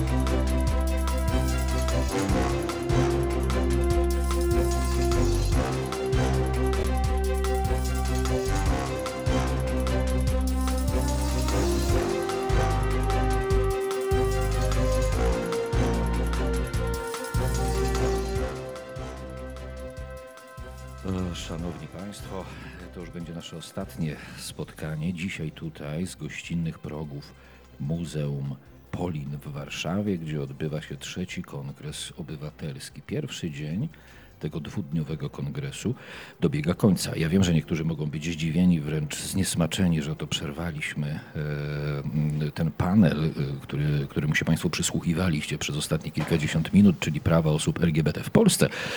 Ale ja skądinąd wiem, że ten panel e, w tamtym roku także przedłużył się, a my musimy skończyć przed godziną 19 dzisiaj naszą transmisję z Polinu, albowiem o godzinie, mm, e, przed godziną 18, przepraszam, e, albowiem o 18 e, jeszcze Agnieszka Żądło, także trochę w temacie e, dzisiejszego mm, kongresu. Pani Katarzyna Jakimowicz, Biuro Rzecznika Praw Obywatelskich, dzisiaj po raz drugi. Pani, Pani Katarzyno, z, e, z Waszej strony, jak ten dzień przebiegł? Em, Trudno y, mi się tak odnieść w jednym słowie tak naprawdę. To może w kilku. e, To bardzo proszę, tak na pewno będzie w kilku. Okej. E, Jak zwykle aktywnie, to znaczy ja jesteśmy bardzo zadowoleni. Mam nadzieję, że ten wysiłek e, i to ile e, pracy i jak również tych ciekawych historii, przekaz tych ciekawych historii odzwierciedli się jakby również w doznaniach naszych gości, bo to jest najważniejsze, tak? Ym, Zobaczymy, jak będzie jutro. Mam nadzieję, że też wolny dzień sprawi, że więcej ludzi będzie chętnych, żeby przyjść, porozmawiać o ciekawych sprawach. Ja wciąż mam takie wrażenie, że niektóre panele mogłyby trwać i trwać. Mówił Pan o panelu dotyczących praw osób z Dokładnie LGBT. Ym, Spokojnie moglibyśmy go przedłużyć o kolejne godziny i jeszcze byśmy mieli wiele do powiedzenia. E, Panel o praworządności, panel dotyczący e, zdrowia i in vitro, fantastyczny. Nie wiem, czy Państwo w radiu to oczywiście tego nie widać, natomiast ludzie siedzieli na ziemi, e, słuchali panel e, dotyczący sądów w naszej sali mniejszej, również bardzo ciekawy. Mm, Także wydaje mi się, że pierwszy dzień e, kończy się sukcesem. E, Czekamy na dzień następny. Dołączył do nas w tak zwanym międzyczasie, którego nie ma, doktor Adam Bodnar, Rzecznik Praw Obywatelskich. Ja nie widzę zmęczenia na twarzy doktora, naprawdę. To jest albo, albo dobry make-up, albo to jest trening jakiś nieprawdopodobny. Zmęczenia nie ma, ponieważ akurat uczestniczyłem w panelu, gdzie musiałem się zdobyć na e, większy wysiłek niż e, koordynacja taka ogólna, ponieważ to był panel z udziałem rzeczników, e, innych rzeczników. Był z nami zastępca rzecznika finansowego, rzecznik małych i średnich przedsiębiorców oraz rzecznik praw pacjenta, no i ja. Moderowała dyskusję pani redaktor Ewa Usowicz, redaktor naczelna serwisu prawo.pl. Niestety nie dotarł, na czym ubolewam, rzecznik praw dziecka Mikołaj Pawlak. O. O. E, Natomiast bardzo ciekawa dyskusja, bo okazało się, że mamy sporo punktów e, do współpracy, że udaje nam się współpracować, że są także pewne zagadnienia, kiedy niekoniecznie musimy się ze sobą zgadzać i warto byłoby wypracować jakieś rozwiązania. Wyszło, że chyba trochę za rzadko się spotykamy i mamy nawet taką bardzo twardą konkluzję po tym, po tym panelu, a mianowicie, żeby stworzyć e, forum rzeczników, czyli żeby stworzyć po prostu regularny format spotykania się raz na kwartał, e, taki, który by, e, spotkania, które byłyby poświęcone naszym aktualnym głównym problemom i tym właśnie e, kwestiom granicznym na naszej działalności. No bo na przykład Rzecznik Praw Pacjenta patrzy z perspektywy ochrony pacjenckiej, ale z drugiej strony Rzecznik Małych i Średnich Przedsiębiorców może być zaniepokojony sytuacją różnych zakładów opieki zdrowotnej, różnych punktów opieki medycznej, które być może ze względu na zbyt intensywną działalność Rzecznika Praw e, Pacjenta e, będą miały e, kłopoty. No i warto takie rzeczy e, przedyskutować. Także to był dobry panel. E, Ja jestem bardzo poruszony panelem e, o zmianie klimatu. E, Zaczął się mocnym akcentem, czyli wystąpieniem profesora Alstona, e, który mówił o tym, że te zmiany klimatu nas dotkną, także Polskę i że nie myślimy tylko o wyspach na Pacyfiku. On to ładnie ujął, że, że ładnie, tragicznie ujął, że to już jest, e, to już jest dramat, to już jest tragedia, tam już nic nie poradzimy, tak? One prędzej czy później zatoną, ale, mm, ale jeżeli chodzi o nasz kontynent, jeżeli chodzi o Polskę, no to my za chwilę tego już doświadczymy, już teraz doświadczamy, tak? E, I ten sam panel skończył się też e, mm, takim mocnym wystąpieniem pana Kiwerskiego, który jest reprezentantem Młodzieżowego Strajku Klimatycznego, no, który wystąp, wystąpił trochę jak taka polska Greta Thunberg, tak? to znaczy apel mocny do premiera. 19-latek dodajmy. E, nawet nie wiem, tak? E, ale no bardzo taki mocny, dojrzały apel, że premier Morawiecki stracił jego i zaufanie, stracił zaufanie młodzieży po tej decyzji wczorajszej, że jak śmie mówić o dobrze wspólnym, kiedy podejmuje taką decyzję w imieniu przyszłych e, pokoleń.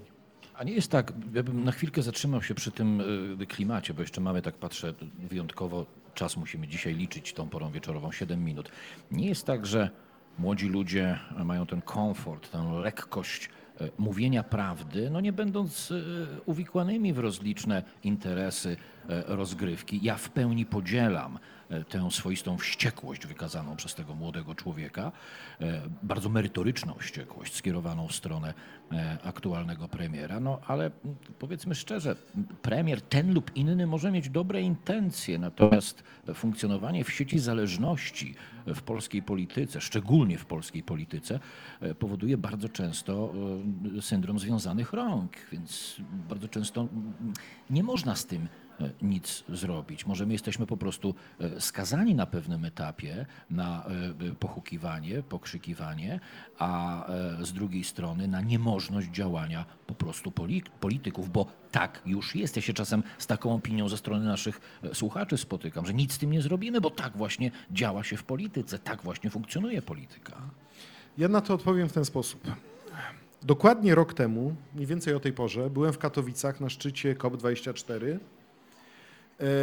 i wtedy mm, dostałem zaproszenie od Greenpeace'u. Oni mnie tam zaprosili, żebym tam się pokręcił, zobaczył jak ten szczyt wygląda. E, Brałem udział w jakiejś debacie wokoło szczytu COP24. I oni mówią tak, a wiesz, słuchaj, tutaj na szczycie jest Greta Thunberg, tak? Ja rok temu nie wiedziałem, kto to jest Greta Thun- Thunberg. Będąc osobą jednak, która funkcjonuje gdzieś w tej rzeczywistości publicznej. Tak? Ja mówię, a, a kto to jest? A mówię, a to taka aktywistka ze Szwecji, co tam pod parlamentem co piątek e, protestuje. I teraz zobaczmy, co się stało w ciągu roku. E, Strajki klimatyczne, e, piątki dla klimatu, spotkanie z wszystkimi możnymi tego świata, od papieża przez Baracka Obamę, konflikt z Donaldem Trumpem, tytuł Człowieka Roku, Tajma, nominacja i poważny kandydat do Nagrody Nobla. Tak? Rok. W ciągu roku Greta Thunberg odmieniła naszą świadomość. Nawet naszą krajową debatę odmieniła, ponieważ jak przypomnimy sobie debatę w e, wyborach do Parlamentu, najpierw europejskiego, później krajowego, to jednak zmiana klimatu stała się e, istotna. Była przedmiotem wielu różnych e, deklaracji. Niektóre partie nawet złożyły twarde deklaracje dotyczące, kiedy, kiedy osiągniemy neutralność klimatyczną. O, o ile pamiętam, Partia Wiosna mówiła o 2035 e, roku. Także to ma wpływ. Właśnie ta bezkompromisowość, ta młodość, to powiedzenie do jasnej, e, to my jesteśmy tym pokoleniem przyszłym i to nam szykujecie taką przyszłość. To jest to, co powinno mieć miejsce i trzeba młodych słuchać i trudno, no być może te zależności Mhm. muszą ulec e, e, zmianie, rozluźnieniu i renegocjacji. To jest dobry moment, żebym e, powiedział i Państwu tutaj w naszym kongresowym studio i naszym słuchaczom, że styczeń to będzie taki czas w Halo Radio, kiedy między innymi młodzi, gniewni, klimatyczni pojawią się ze stałym swoim cotygodniowym programem. Znów będziemy jedynym medium, które sięga po tego typu tematy, ale chyba od tego jesteśmy. E, Jako, że musimy kończyć, to y, jeszcze Pani Katarzyno, jeśli chodzi o jutrzejszy dzień, coś, co będzie takim, no Pani zdaniem, strzałem e, w dziesiątkę jednoznacznym. Nie mówmy, że wszystko będzie e, tymi jednoznacznymi, fajnymi strzałami, ale coś, czego nie powinno się drugiego dnia kongresu e, przeoczyć. Proszę Państwa, e, drugiego dnia kongresu będziemy mówili również o ruchach obywatelskich. E, Uważam, że to będzie fantastyczny panel i bardzo się, bardzo, bardzo na niego czekam. To jest troszeczkę, nawiązuje do tego, o czym e, przed chwilą Panowie rozmawialiście. Co zrobić i w jaki sposób dać przestrzeń i możliwość wypowiedzenia się obywatelom, osobom, które się czują odpowiedzialni za klimat, za e, prawa kobiet, za m, wolne sądy na przykład, tak, bądź za e, inne ważne z ich punktu widzenia sprawy obywatelskie, w jaki sposób oni się aktywizują, w jaki sposób się zrzeszają, w jaki sposób robią tą robotę, mówiąc w cudzysłowiu. Uważam, że to będzie bardzo, bardzo ciekawe i serdecznie, serdecznie polecam. Natomiast ja jeszcze tylko jedno zdanie, bo nie mogę sobie tego odmówić. My Rozmawialiśmy rano o tym, co e, przyniesie kongres. To jest dokładnie to, o czym teraz rozmawiamy. Ten pierwszy dzień już nam dał pewne konkrety. Dajemy przestrzeń e, do wypowiedzenia się młodym aktywistom, należy ich słuchać. Dajemy również, e, no, stwarza się kolejna platforma współpracy, chociażby między rzecznikami, o czym mówił w tej chwili e, pan rzecznik. To są konkretne pomysły, konkretne idee, konkretne plany. Zapraszamy na jutro. No to cóż, pozostaje mi tylko cieszyć się e, razem z Państwem. Ja tylko dodam, proszę Państwa, że ja jeszcze dzisiaj spotkam się z Państwem e, po godzinie 19 na antenie e, Halo Radia. Państwa i moją gościnią będzie pani profesor Ewa Łętowska, zapowiadana już od kilku dni. E, Godzinę ze sobą spędzimy, porozmawiamy na bardzo aktualne tematy, a z Państwem pewnie będę słyszał się e, również jutro. Pani Katarzyna Jakimowicz i dr Adam Bodnar, Rzecznik Praw Obywatelskich. To dziękuję Państwu za dzisiejszy dzień w imieniu wszystkich naszych słuchaczy i słyszymy się jutro. Dziękuję bardzo serdecznie. Bardzo dziękujemy. Dziękuję.